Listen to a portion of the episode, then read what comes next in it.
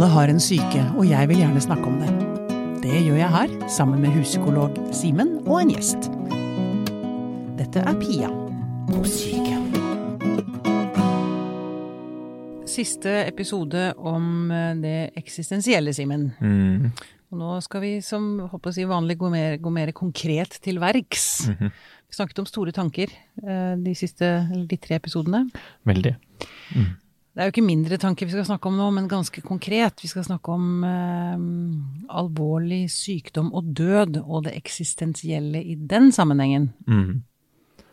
Og ikke på et så teoretisk plan, eller kanskje det også, men i hvert fall ikke bare det, også litt mer i det håndfaste. Litt mer i det håndfaste. Hvis det så hva. Hvis det så var, ja. ja ikke sant. Ja. Vi har fått besøk av Gry Stålsett. Velkommen hit. Takk. Du er spesialpsykolog og religionspsykolog. Mm. Det er eh, fascinerende, annet ved Modum Bad. Mm. Mm. Fortell meg litt, hva er en religions... Hva gjør en religionspsykolog? Eh, en religionspsykolog psykolog, eh, ser på religiøs tro og livssyn eh, med psykologiske briller. Det vil Tro og livssyn med psykologiske briller, ja vel? Ja, for eksempel ritualenes psykologiske funksjon. Eh, kan en religiøs tro være til støtte eller en byrde? Mm. Uh, eksistensiell meningsdannelse. Nettopp. Ja. Da, er vi, da er vi midt i bull's eye. Mm. Og meningstap, kanskje. Og meningstap og meningskrise. Mm. Um, for dette livet sklir jo ikke gjerne av gårde sånn som man alltid hadde tenkt. Nei. Det har det med å slenge til oss noen skruballer. Mm. Vi skal nå også snakke om det eksistensielle ved alvorlig sykdom og død, og eh, jeg på å si både ens egen, altså når man selv blir rammet av alvorlig sykdom, men også kanskje når de nærmeste blir mm. rammet av det. Mm. Um, um, eh, jeg håper å si det, det, Spørsmålet er, blir så, er jo veldig sånn stort Altså på, helt konkret Når man drar på eksempel, eller får en beskjed da, fra sykehuset om at du har kort tid igjen å leve. Mm. Det er, kanskje, er det kanskje den mest skremmende beskjeden et menneske kan få? Det er kanskje vanskelig å måle sånn, men, men jeg bare tenker at det, det, det Det er i hvert fall, det er i hvert fall innenfor topp ti. For å si det sånn. Ja. Ja. Um, Ja. Og da møter man heller ikke det med galgenhumor, sånn som jeg kan gjøre nå. Nei. Uh, Det er for sjokkartet til at en kan umiddelbart trekke på mestringsressurser. Ja, akkurat. Mm. Da blir det, det er sjokk. For, snakk oss litt gjennom hva er det som skjer når man får en sånn beskjed? Nei, altså det er jo Selvfølgelig, vi er forskjellige, og det er ikke alle det når inn til umiddelbart. Eh, Nei. Det er jo uh, måter vi beskytter oss på. Forsvarsmekanismene de er jo det utgangspunktet som hva skal jeg si, sykens immunsystem, og som kan eh, beskytte oss mot det mest vanskelige i livet, Mm. smerte. Uh, og for mange så trer den inn umiddelbart med eh, kanskje en benekting, eller Ja. fortrengning, eller omskriving. Um, Omskriving, at man tenker at eh, ja, omskriving av det man har hørt, og, og det er ikke alle som får det ordentlig med seg, altså rett og slett. mm. Så øhm, det er ulikt.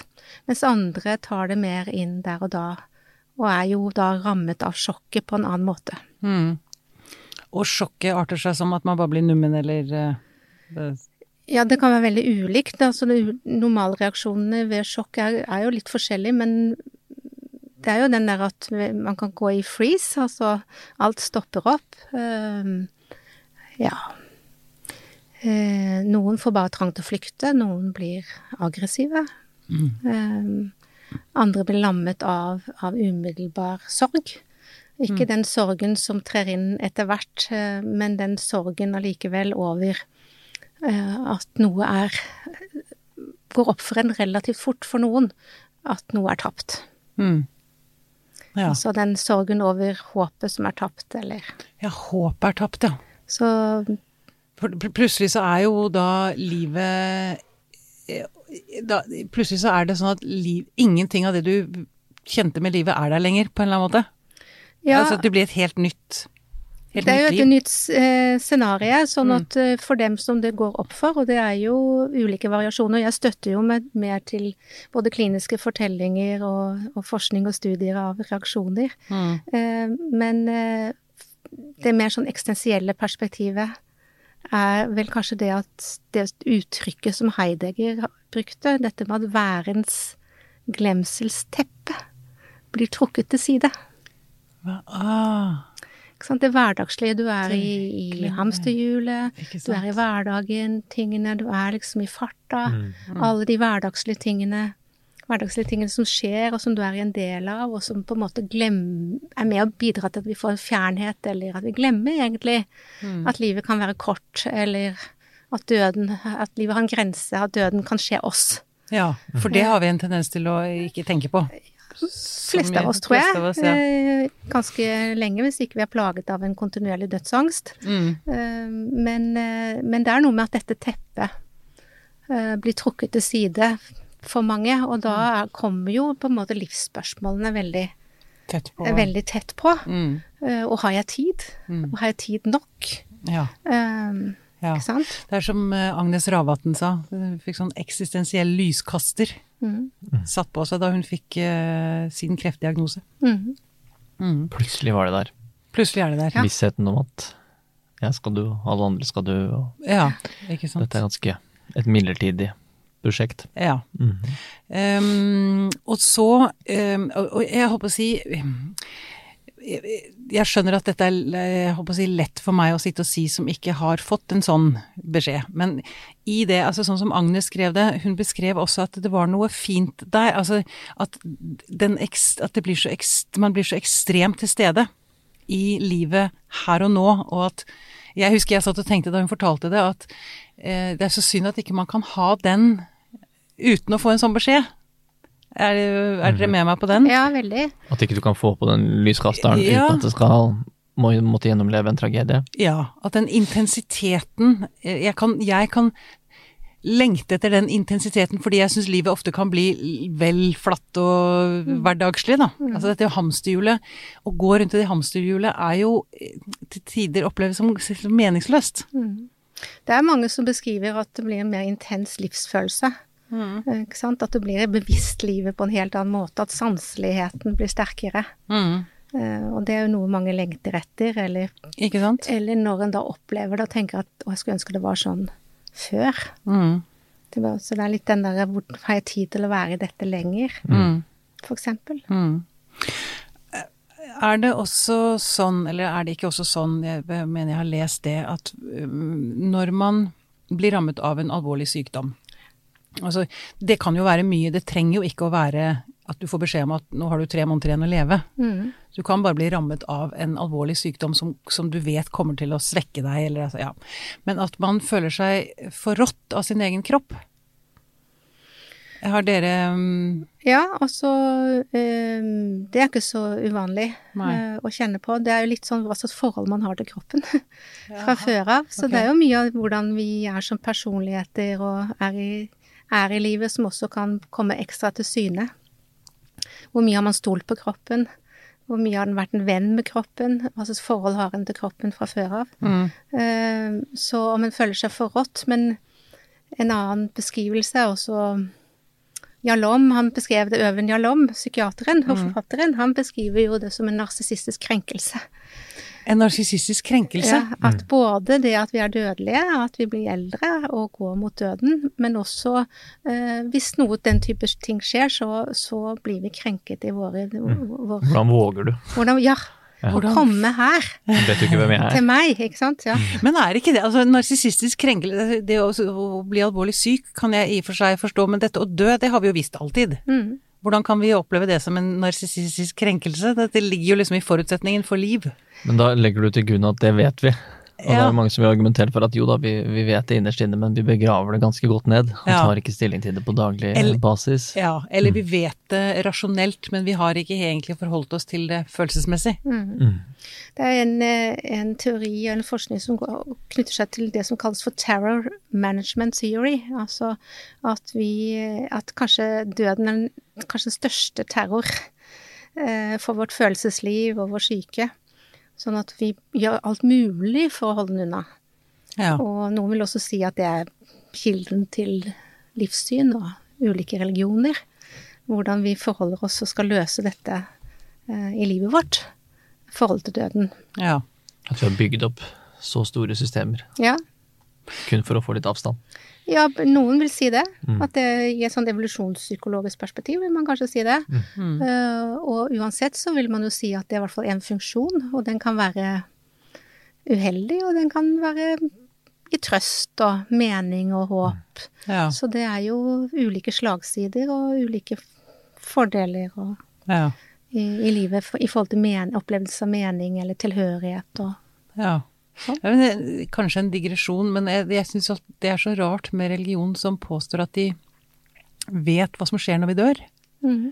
Det er jo fascinerende at, eh, at noen mener seg å vite det. Mm. Er det ikke det? Jo. Ja. Stort marked for det, da. Det er mange, Ja. som, mange som vil ha det svaret. Da er det jo fristende å tilby det. Ja, ja, så det er klart det. Det er klart det. Og da er det jo veldig mange som eh, tjener mye penger på å produsere engler. Det er jo stort. Produsere engler? Ja, altså det har vel aldri vært så mange Jeg vet ikke hvor mange nye engler det er på markedet, men det er én for hvert behov. Og? Bare de siste 10-15 årene. Ganske mange nye engler i forhold til det som har vært i litteraturen eller i religion eller Det har jeg ikke hørt noe om. Nei. Kan du gi meg et eksempel på en Hvordan, ny hvordan lager man en engel? Ja, Nei, sant? altså, og du hvordan har- får man har jo- den, Du har liksom? mange million, altså mange terapeuter som er engleterapeuter på internett, som tjener millioner på å være engleterapeuter og finne dine personlige engler som dekker dine personlige behov, og som beskytter deg mot alt det vanskelige i livet, Mm. og hjelper deg i møte med døden, eksempel.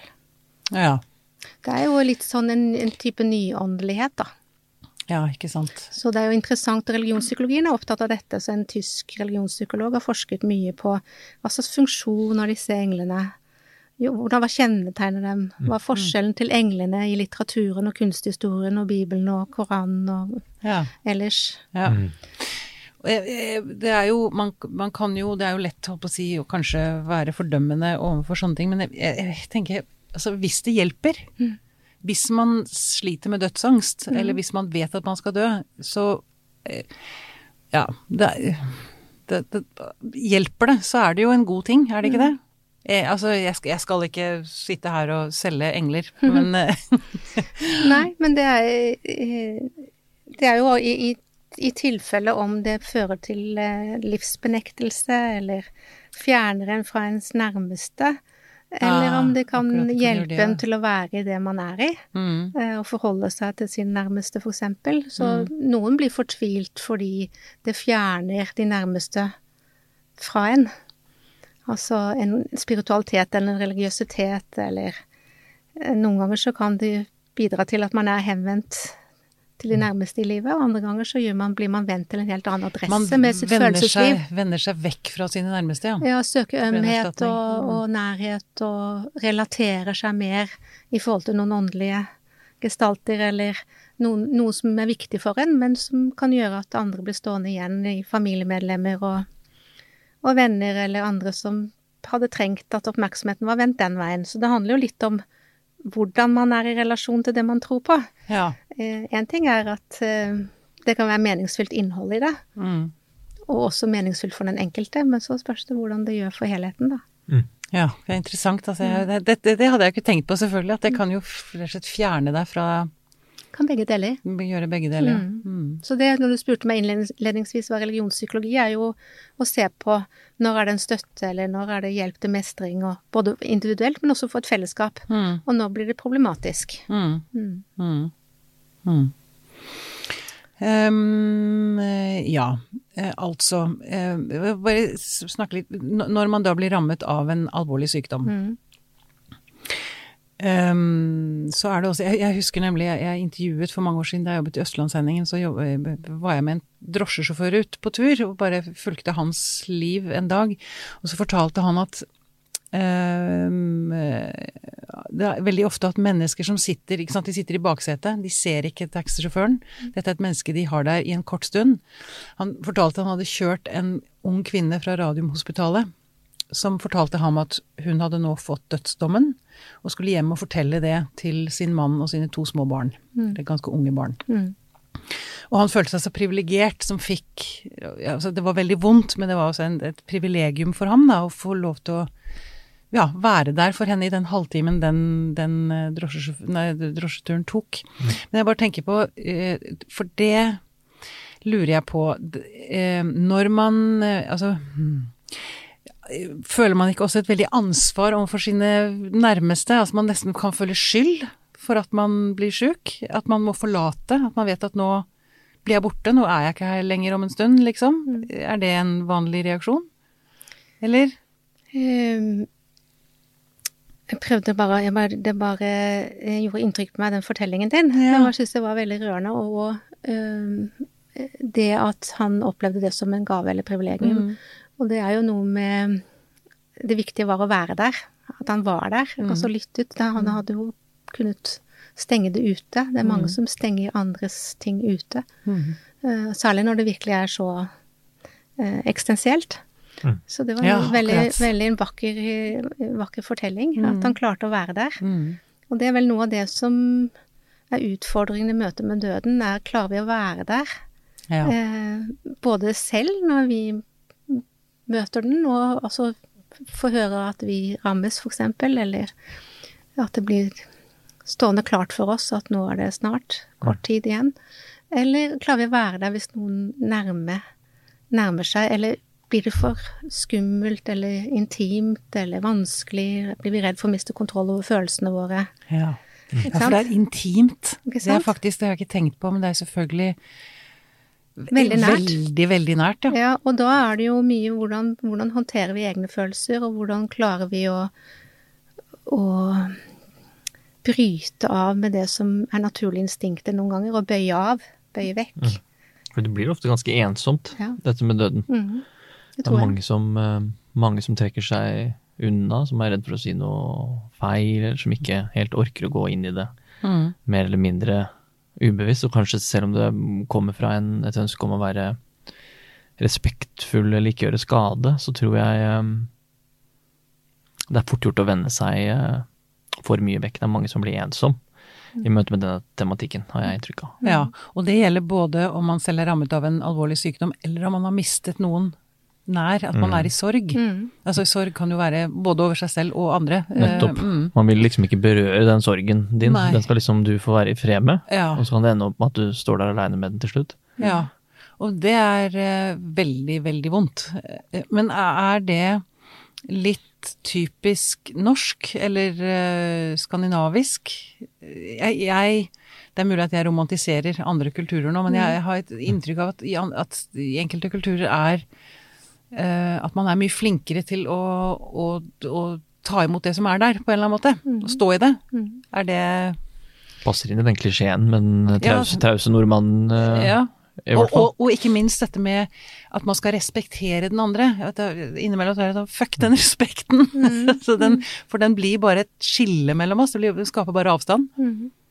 Hva tenker du, Gry? Nei, altså Jeg tror det er, eh, det er veldig store variasjoner i ulike kulturer om hvordan man forholder seg til døden, og det er ritualer som er eh, Noen ganger er det knyttet til selve døden, men noen ganger er det allerede på forhånd, når det nærmer seg, eller Som jo er forskjellig i forskjellige kulturer. For noen kulturer så kan man vise følelser, for eksempel, og gråte og gi uttrykk for det. Og det er nesten en sånn forventning. Er han gråte, gråtekone. Ja, blir- mens andre skal man slettes ikke det. Mm. Uh, Så det er jo en viss variasjon.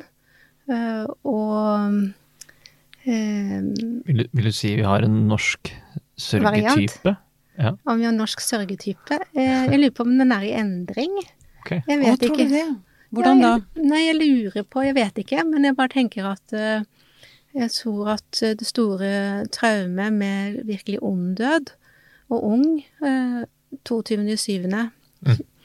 eh, 2011, at det kanskje også har gjort noe med oss som et kollektivt, som samfunn, Ja. i hvordan vi forholder oss. Jeg vet ikke, men jeg tenker noe at fellesskapstanken har på en måte blitt, eller refleksen har vært aktivert i mye større grad i ettertid. Ja. Vi kan se også nå under koronakrisen hvordan det er blitt mye mer sånn fellesskapsskapende for mange. Det oppstår ja, til side på Facebook, eh, på Finn, eh, andre steder, dette med at trenger du hjelp, Mm. eh, skal jeg handle Ja. for deg? Og det, det var vel slagordet til den um, verdensdagen for psykisk eh, helse også, spør mer. Mm. Og jeg har hatt flere på terapikontoret som, som faktisk har uh, opplevd at det har blitt spurt mer mm. den dagen og i etterkant. Mhm. Jeg har ikke hatt så mye tro på sånne slagord, men det virker å ha hatt effekt. Og det passer kanskje litt inn i det du sier. Jeg lurer Altså vi på om noe åpner vi opp litt. Ja, på en eller annen måte uh, at det er lov å være litt mer sårbar, kanskje. Uh, det er mange ting som har bidratt med det, tenker jeg, men, men det virker sånn, syns jeg, at eh, det er blitt mindre tabu å, å vise følelser. Mm. Eh, vi har fortsatt kanskje en sånn maskekultur, altså litt japansk enda. Mm. At vi holder maska og ikke, ikke viser akkurat hva vi føler, eller presenterer noe annet i stedet Mm. i hverdagen. Men allikevel, når det, når det gjelder, så kan det hende at noe er i bevegelse. Det er et inntrykk. Ja. Mm. Fordi Og det, det er jo, tenker jeg jo, er godt nytt. Mhm. Altså, sånn sett så det er at det hadde jo vært fint om 22. juli og koronakrisen Mm. faktisk kunne bidra til å åpne opp mer. Mm. For det gjør jo oss mennesker tryggere, Mm. på en eller annen måte. Å vite at det er, eh, at det er plass til oss med alle følelsene våre. Ja, og vi søkte jo også både kollektive og individuelle ritualer. Mm. Sant? Altså blomsterhavet, Mm. eh, spontant fløy til, eh, til domkirken, eller Og humanetikere og kristne og imamer eh, aktiverte seg Mm. for å bidra eh, Mm. til å lage ulike former for seremonier og lystenning og Mm. eh, Men det er klart at det er jo en bakside for mange av de som var rammet, vil også kunne fortelle mer smertefulle alenefortellinger eh, om at kol- det kollektive eller samfunnet glemte eller fortrengte det etter en stund. Ja. Eh, Så du har jo eh, de som virkelig er rammet, som har en, vil ha, ha en mer smertefull fortelling, selv om noe har åpnet seg kollektivt. Mm. Så det er jo sammensatt. Mm. Eh, jeg tror nok at vi fremdeles eh, eh, er fornærmet til å fortelle historien. Selv om filmene har begynt å komme, og, Ja. men i klasserommene, Mm. eh, skole, skolegården Mm. Det er ikke helt historie, men da Nei, det er på en måte ikke det. Og, og, og det er noe med at eh, de som har vært rammet, har vært ulikt møtt. Mm. Ulike deler av landet òg. Mm. Noen steder så har en jo kanskje en holdning mer i kulturen på å holde følelsesmessig smerte unna, Mm. for eksempel. Mm. Mm. Det var sånn 'du står han vel av', som man sier noen steder. Ja, det er bare å stå i det. Ja, for eksempel. Ellers er du ikke ferdig med sorgen nå? Mm. Den har jeg fått. Mm. Mm. Seks måneder etter pappa var død, så da, nå holder det. Ja. Ja, ikke, ikke alle, altså, men Det det, litt- det kom noen sånne kommentarer. Mm. ja, det er akkurat som, som, som om man kan si liksom slutt med det. Mm. Sant? Slutt å føle det du føler. Ja, slutt å fryse, slutt å føle. Ja. Det er jo ikke sånn man kan knipse og slutte med. Nei, det er jo ikke det. kan, kan det ligge et snev av det i noe av den eh, I de solskinnshistoriene som er den eksistensielle eh, psykoterapilitteraturen og i Alom og sånne ting. Det er så mange solskinnshistorier om de som har sett lyset på den andre siden.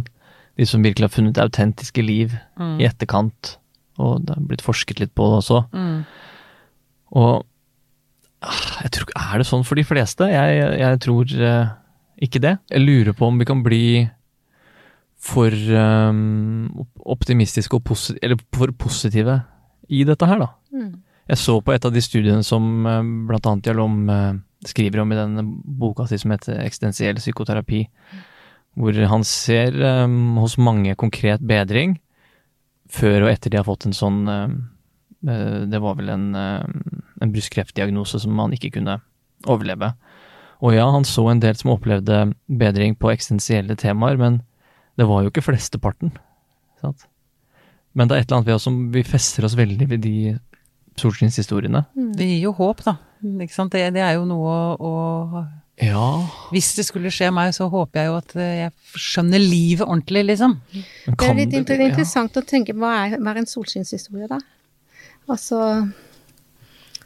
Er det at noen har håp, eller er det at det for, skjer en forsoning, Mm. eller hva, hva er en solskinnshistorie? Ja. I de eksemplene jeg tenker på, så er det det at man går inn i døden med et helt nytt syn på livet, med en ro og med en uh, Ja, sånn, tilfredshet, ja. tenker jeg på da. Og det er klart at å ha sånne gjør det jo, legger jo et ekstremt press på de som da på. står i en alvorlig sykdom og ikke føler det. Ja, jeg tror det er det jeg prøver å, Mm. Å komme fram til. Ja. ja, nei, det Jeg tviler på at det er flesteparten. Jeg, jeg, jeg tror nok at mange går inn i døden med en uro, Ja. men det kan hende at det er veksling. Altså at noen kan finne en Altså være i uroen med en eller annen form for ro.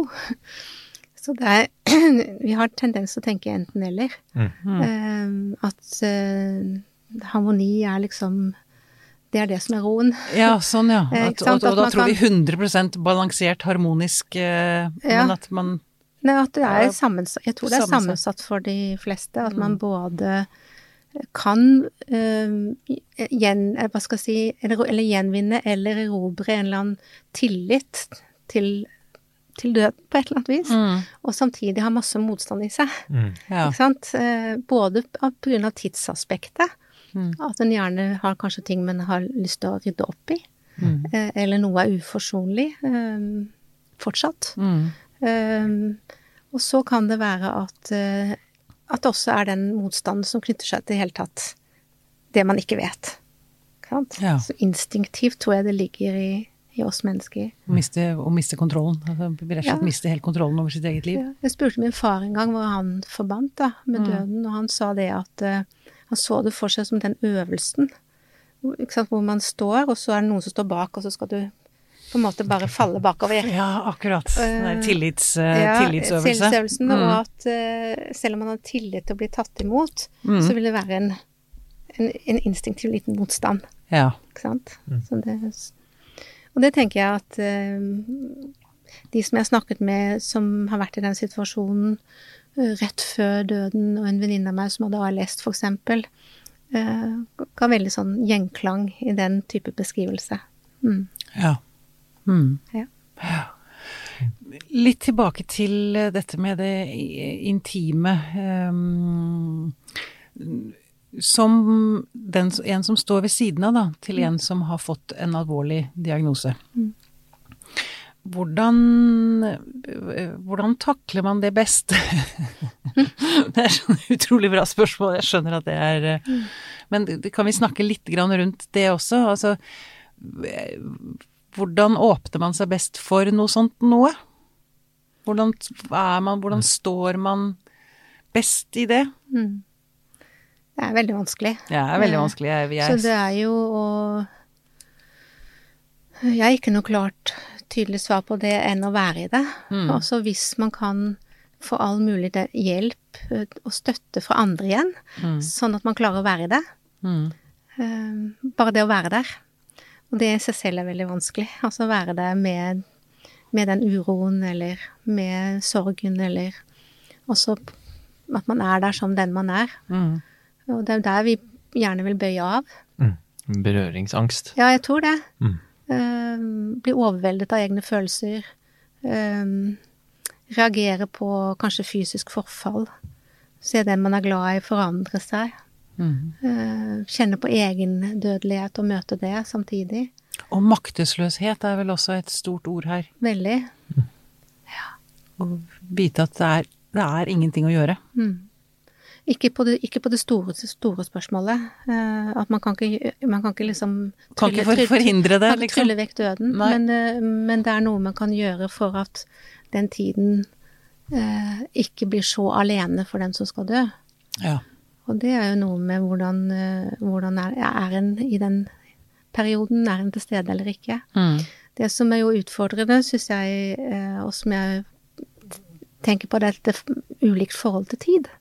Jaha. Ikke sant? Altså, en som er døende, vil kanskje også oppleve, innbiller jeg meg, eh, tiden på den ene siden går fortere, men også saktere på et vis, da. Mm. Eh, En er i den Altså, alt blir sterkere.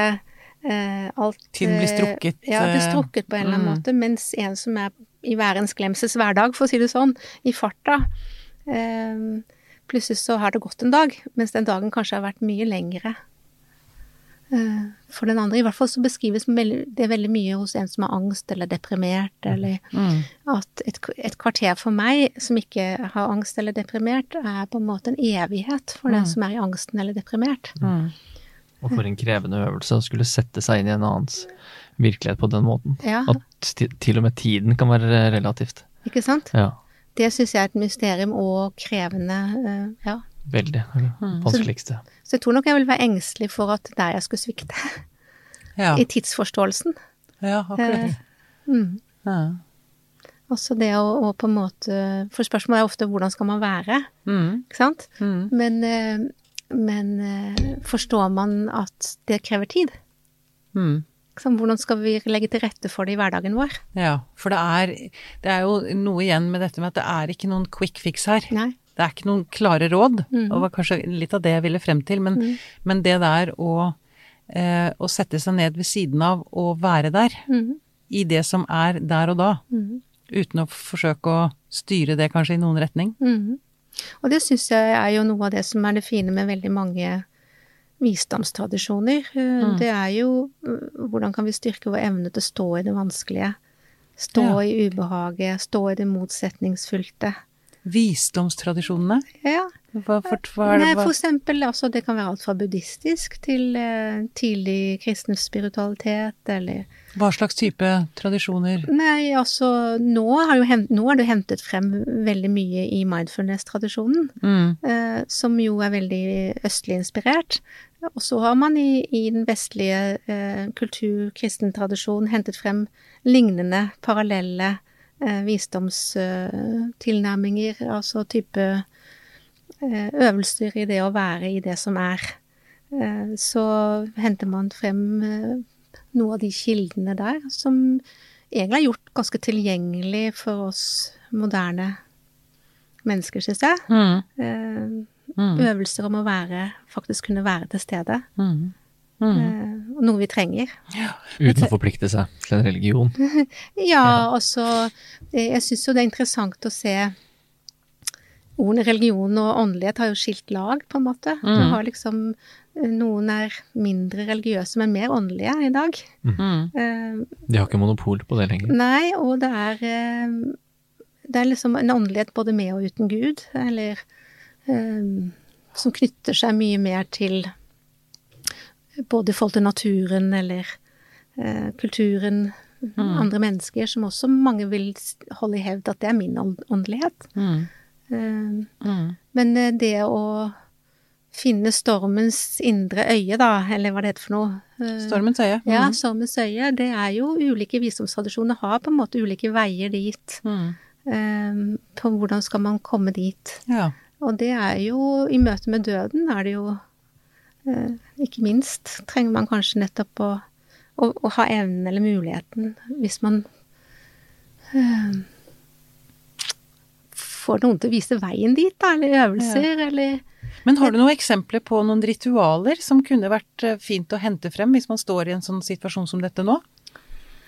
Altså, Eller eller det- jeg tror nok ritualene også er i, i endring, men ritualene har veldig eh, Veldig mange ritualer er jo etter døden, Mm. ikke sant, for å gi slipp og for heling, og kanskje også fremme en naturlig og god sorgprosess. Mm. Eh, for det er jo ofte dette med gi slipp-prosessen som er krevende. Og vi har ritualer for liksom eh, Vi har begravelsen, men utover det så er det vel ikke noe særlig ritualer? Nei, Etter, altså Verken før eller etter? Noen har vel dette med å eh, tenne lys, eller man sier ta med seg den eh, døende på forskjellige områder, eller det kan være knyttet til- til den personens livshistorie, ta avskjed. Mm. Eh, men vi har ikke så mange faste rituelle eh, på det Ja. før. Det blir på en måte å eh, jeg tror, altså jeg tror noen spontant utvikler sine egne, eh, hvis en er nærværende nok Mm. til, å, til å ta inn over seg at dette mennesket eh, om en stund er ikke her lenger. Mm. Men det handler om at vi er nærværende nok. Ja. Eh, så kan det spontant oppstå at ja, da tok jeg med hun til barndomshjemmet, eller vi måtte reise dit, eller vi måtte ut i skogen, eller måtte få se havet igjen, eller Mm. Som fordrer at du virkelig evner å gå inn i det, da. Ikke sant? At du er faktisk nærværende, at dette kommer til å skje, og du kan sette av tiden. Så det er jo et eh, Altså, vi har på en måte Ja, hva skal jeg si? Det var en som formulerte at vi har tatt livet av døden.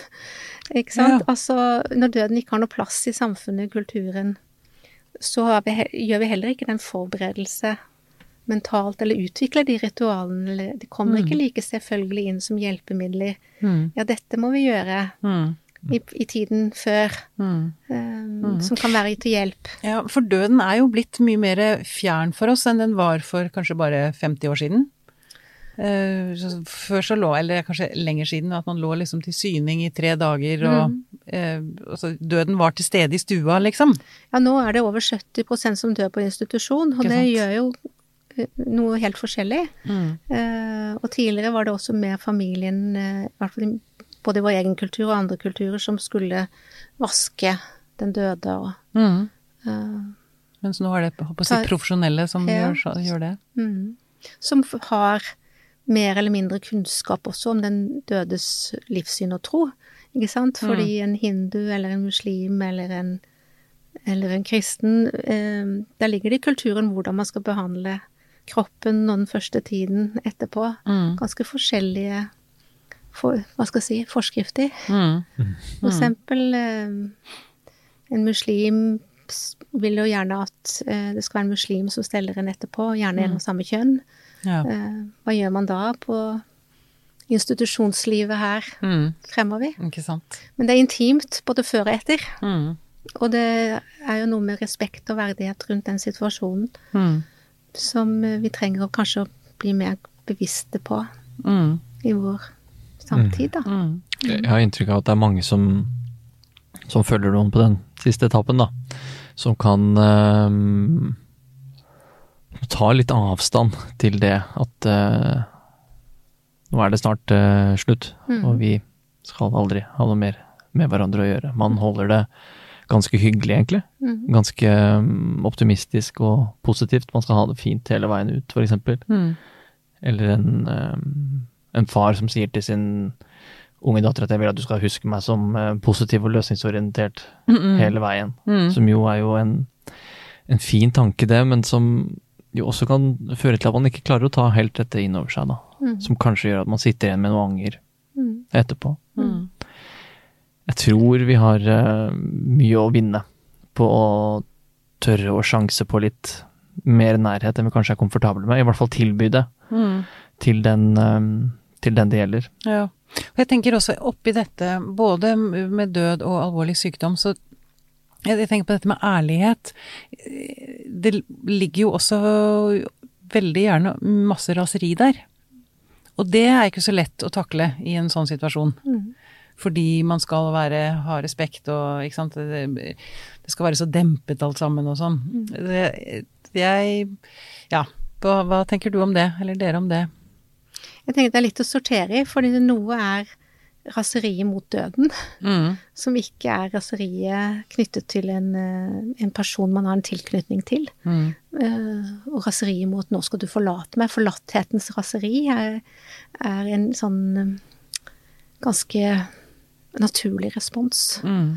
eh, Og menneskelig respons. Og så er det det raseriet som kan være eh, knyttet til noe som har en historie med det mennesket som er foran en, som en ikke har fått tatt ut, og som kommer eh, mye mer tydeligere opp til dagen, og så skal, føler man at man skal ja, At der ligger en slags tvangsharmonisering rundt det. Eh, og det er jo mange som jeg møtte i terapirommet etterpå, som hadde hatt behov for eh, et forarbeide, eh, og som sitter igjen med det raseriet, eller det Ja. sinnet. Ja. Et for forarbeide på hvilken måte? Forarbeide i forhold til å, å kjenne etter hvordan har jeg med det med dette mennesket, Mm. Eh, hva trenger jeg å få sagt? Mm. Ja. Eh, og, og det er jo det å ha det spørsmålet oppe, hva trenger jeg egentlig å få sagt? Mm. Eller snakket om? Er det mulig? Og noen er det ikke mulig, fordi da er det kommet for langt i sykdomsforløp, for eksempel, og tilgjengeligheten til at den andre faktisk kan være til stede. Mm. Og noen kommer med det helt som et gulp på slutten. Mm. Uh, og det Å streve med det i ettertid, ikke Mm. sant? Fordi, fordi den andre ikke da var beredt eller mottagelig eller Mm. tilgjengelig eller Mm. Det var en- det var en som sa til meg for litt siden, um, som opplevde at sin far på dødsleiet ble plutselig så åpen og emosjonelt tilgjengelig. mm, Og hun satt igjen med mye sinne. Hvorfor kunne det ikke være sånn her? Alltid. Ja. mm, Det er vel litt det du beskriver. mm. Ja. ja, så der, der, se, Som der kom du med en solskinnshistorie, Simen. Er. Eller egentlig, ja, kanskje ikke, hvis hun Ja, eller kanskje en oppfordring, da. Om Ja. at vi nettopp skal, um, skal utfordre de komfortsonene våre litt. Ja. Akkurat der når vi må. Mm. Men det Ja. ja Men eh, nei, altså eh, Apropos solskinnshistorie. eh, Jan Lom skrev jo den boken 'Staring at the Sun', som jo handler mye om å, å se døden i øynene. Men han sier jo også noe om at vi ja, i hvert fall i, i også den f.eks. boken 'Schopenhauer-kuren', som er jo en, en veldig god roman. Mm. Eh, Hvem er best? Er det filosofen eller psykiateren i møte med livets mørke side og døden? Eh, Men han sier vel ofte at egentlig burde vi ha, og det er litt sånn instrumentalistisk sagt, da, men i nærheten noen som er rammet av en dødelig sykdom, eh, i den forstand at vi da får trukket dette teppet til side, får utfordret oss, sett noe om hvor mye tiden vi har til rådighet betyr, og gjøre de verdivalg eller gå gjennom de prosessene vi trenger. Mm. Eh, Så det er et paradoks på en måte at, at man må ha en påminner eh, til stede, men det er jo Ja. litt, litt fordi at den romantiske avslutningen kan dekke til for mye, slik at mange strever etterpå. Ja. Sånn at den tilbake igjen til det med forarbeidet. ja. Så hvis vi ikke på en måte hva skal jeg si, hadde tatt livet av døden som tema i vår kultur eh, Nå kommer det jo litt mer tilbake igjen med alle disse dødskafeene. Mm. Så det, som gjør det, det temaet mer tilgjengelig. Men, men de prosessene som kanskje kan styrke oss litt, da. Dødskafeene? Ja, det er blitt eh, eh, startet vel mer i et andre, annet sted i Europa, men fordi det har vokst fram et så intenst behov å snakke om døden, så er det kafeer som da har treff hvor man snakker om døden. Ja, Hvor det er noen innledere, gjerne? Ja, eller- innledere mm. og inviterer til sånn salong, på en måte. mm. Dødssalong. Mm. Mm. Og det handler mye om eh, et helt spesifikt behov, en mangel som har vært der, eh, og som kanskje kan være fruktbart i det å tenke på hva trenger vi egentlig. Altså, for eksempel så viser jo studier at eh, hvis man har et opplevelse av mening, altså flere kilder til mening i livet, uansett om det er ateisten eller den kristne eller muslimen, så eh, hjelper den i denne fasen Ja. enn om en kjenner på en meningstomhet fra før av. Så da er det noe med hjelp å finne kilder til mening uten å lade det eh, hva det skal være, Ja. men at noe at det betyr noe. Mm. Eh, Mm. det er flere grunner til å stå opp om morgenen etterpå. Ja. Mm. ja. ja nå, nå snakker du om når man står ved siden av Ja, det. Mm. Mm. Og er det eh, ikke sånn også at det er viktig å tenke på at alle følelser er lov? Eh, Jeg har også et inntrykk av at vi liksom skal sjalte vekk en del følelser. Altså vi skal ha liksom de rene, klare, fine følelsene. Men altså at det er mye Jeg tror det er kjempeviktig, og jeg tror det er viktig også å akseptere at, vi er, at det er menneskelig, altså med å både være sint og Eller også, også være sjalu. sjalu. Jeg, Sjalu, ja. jeg tror mange strever med det. Sjalu på At det kan eh, lages eh, Eller blir sånn hierarkier i, i, i, i nærhet til den døende. Hvem er nærmest? Ja, Eh, sånn, og ja, Og nærhets-, eh, oppmerksomhetssjalusi. Kanskje, kanskje en gammel sjalusi dukker opp som ikke har vært der før, Mm. eh, eller vært der senere år, og så dukker den opp i det avgjørende øyeblikket. mm. Du kan se det i kampen om dødsannonsene, at av og til så er det flere for den samme, eller, eller kampen om, eh, om eh, hva som skal stå på gravstenen, eller eh, Det er mange kamper som kommer opp, som kanskje også bunner opp i den uforløste sjalusien, da. Ja. Mm. ja. Som vi benekter mye i vår kultur. ja. Sjalusi. Sjalusi, Vi sier jo at den norske Hva var det vi sier da? At sjalusien er sterkere enn seksualdriften i den norske kultur. Ja. Men ingen vil innrømme det. Så. Men at den også dukker opp i møte med døden. ja.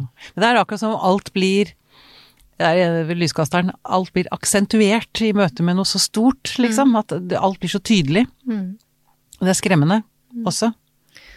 Veldig.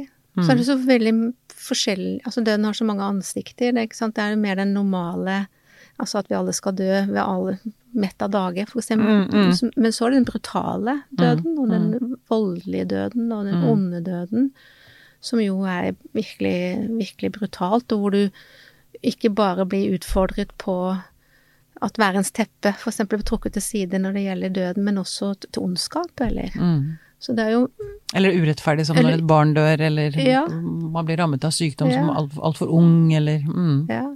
Mm. Ekstrem urettferdighet Mm. som kan rokke ved Ja, der, der rokker man med liksom grunnfjellet vårt, Mm. Det tror jeg. og det er skremmende. Mm. Og så er det mange som har eh, mange hemmeligheter som dukker opp. Det er jo også noe med det. Altså hvor mye har vi delt livet vårt Ja. med, med de nærmeste. For det er kanskje også et veldig sterkt behov som kommer når døden er veldig står på dørstokken, liksom. Man har behov for å dele hemmelighetene sine.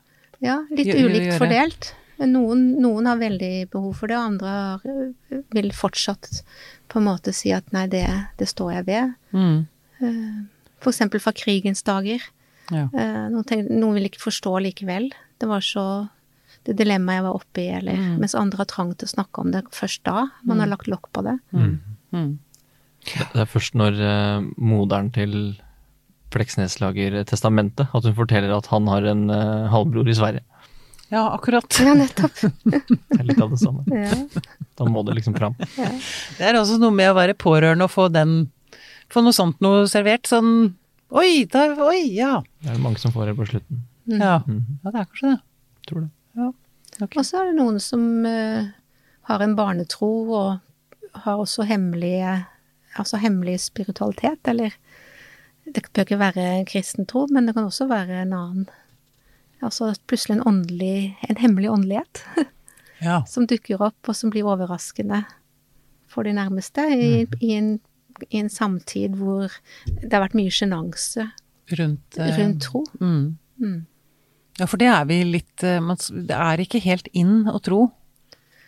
Eh, Det er kanskje blitt Jeg lurer på om Kanskje endra seg det Ja, altså det å være åpen for det åndelige har blitt Det er vel blitt mer sånn en miks mellom at man har sin hver sin tro, på en måte. Altså noen tror på Jesus og reinkarnasjon Mm. inn, i en egen fasong, og noen tror på engler, og noen har mer, legger mening ut i universet, andre i naturen. Så det er litt større bredde, kan, man- kan vi kanskje si. Ja. Det er vel i og for seg en god ting, mm. kanskje. At vi ikke må tro på den ene. Det ene. Det er bra. Gry, er det noe du har lyst til å føye til på slutten her, når vi snakker om alvorlig sykdom og død og det eksistensielle? Noe du har lyst til å si til noen som står der ute, midt i Midt i noe som eh, er i utgangspunktet uhåndterbart? Skremmende. Det er noe med denne avgrunnen som åpner seg. Kan åpne seg, som jeg også kan kjenne på. Som har opplevd brå død og sånt. Det er Nei, det er eh, Ja, altså opplevelsen av meningsløshet. Eh, det at man kan oppleve seg kald innvendig.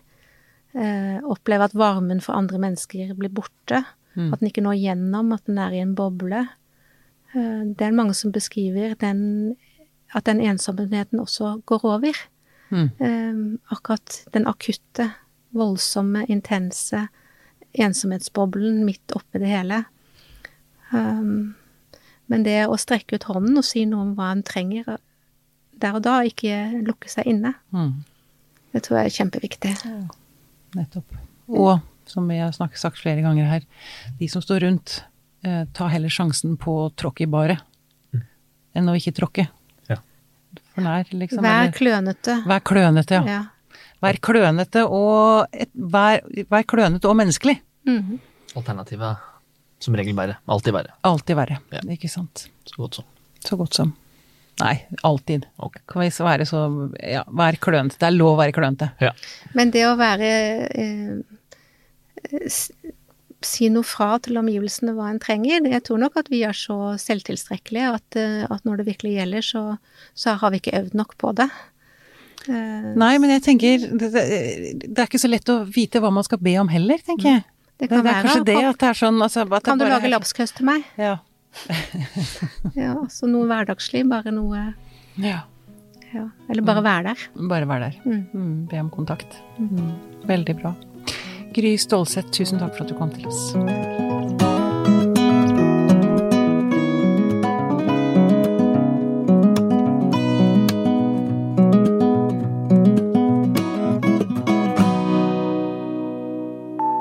Podkasten er produsert av Tid og Lyst. Med støtte fra stiftelsen Kåre Berg.